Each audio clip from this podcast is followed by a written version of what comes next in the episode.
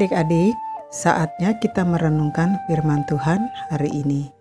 Kiranya adik-adik dalam keadaan sehat dan selalu rindu akan firman Tuhan. Hari ini tema renungan kita adalah Taman Getsemani. Sebelum membaca firman Tuhan, mari kita berdoa. Bapa di surga, kami datang di hadapanmu untuk membaca dan merenungkan firman-Mu. Beri kami hikmat untuk dapat mengerti firman-Mu dan menjadi pelaku firman Tuhan dalam kehidupan kami tiap hari. Dalam nama Tuhan Yesus, amin. Adik-adik, mari kita buka Alkitabnya.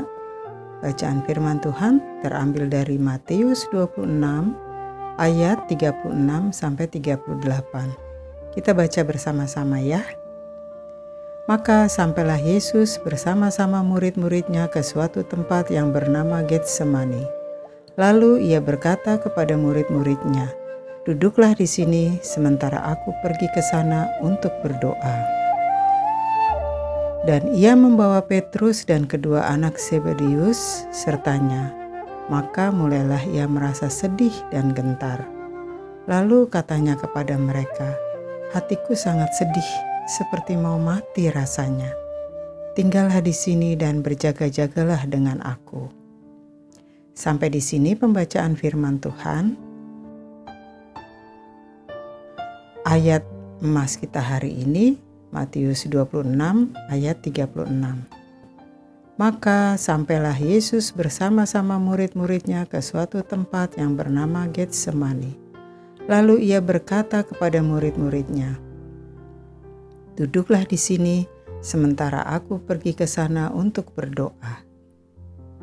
Adik-adik, dalam bacaan firman Tuhan pada renungan kemarin, menceritakan tentang Tuhan Yesus yang berdoa di Taman Getsemani.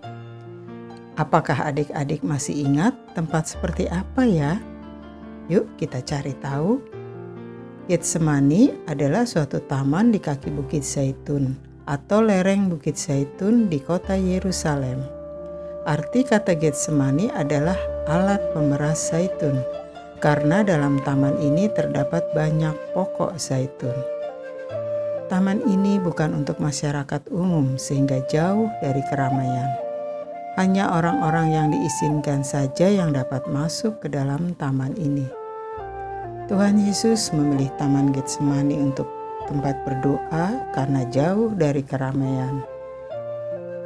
Setelah perjamuan malam terakhir bersama murid-muridnya, Tuhan Yesus berdoa di Taman Getsemani. Dan di taman ini juga para pasukan pengawal bait Allah dan Judas datang untuk menangkap Tuhan Yesus.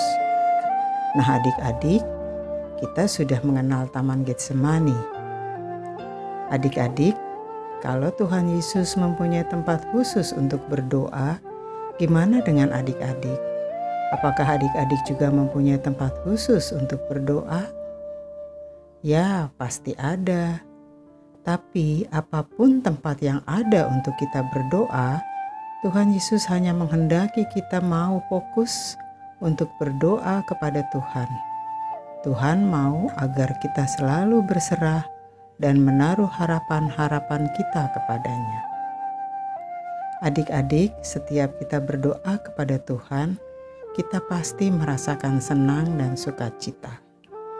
Yuk, adik-adik, kita mau katakan, "Aku mau selalu datang kepada Tuhan dalam doa."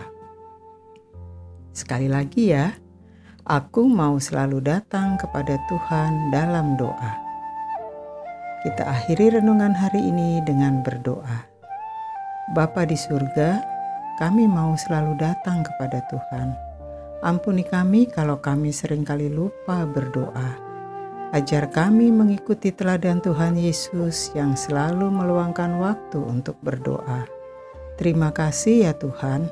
Dalam nama Tuhan Yesus, amin. Tuhan Yesus memberkati.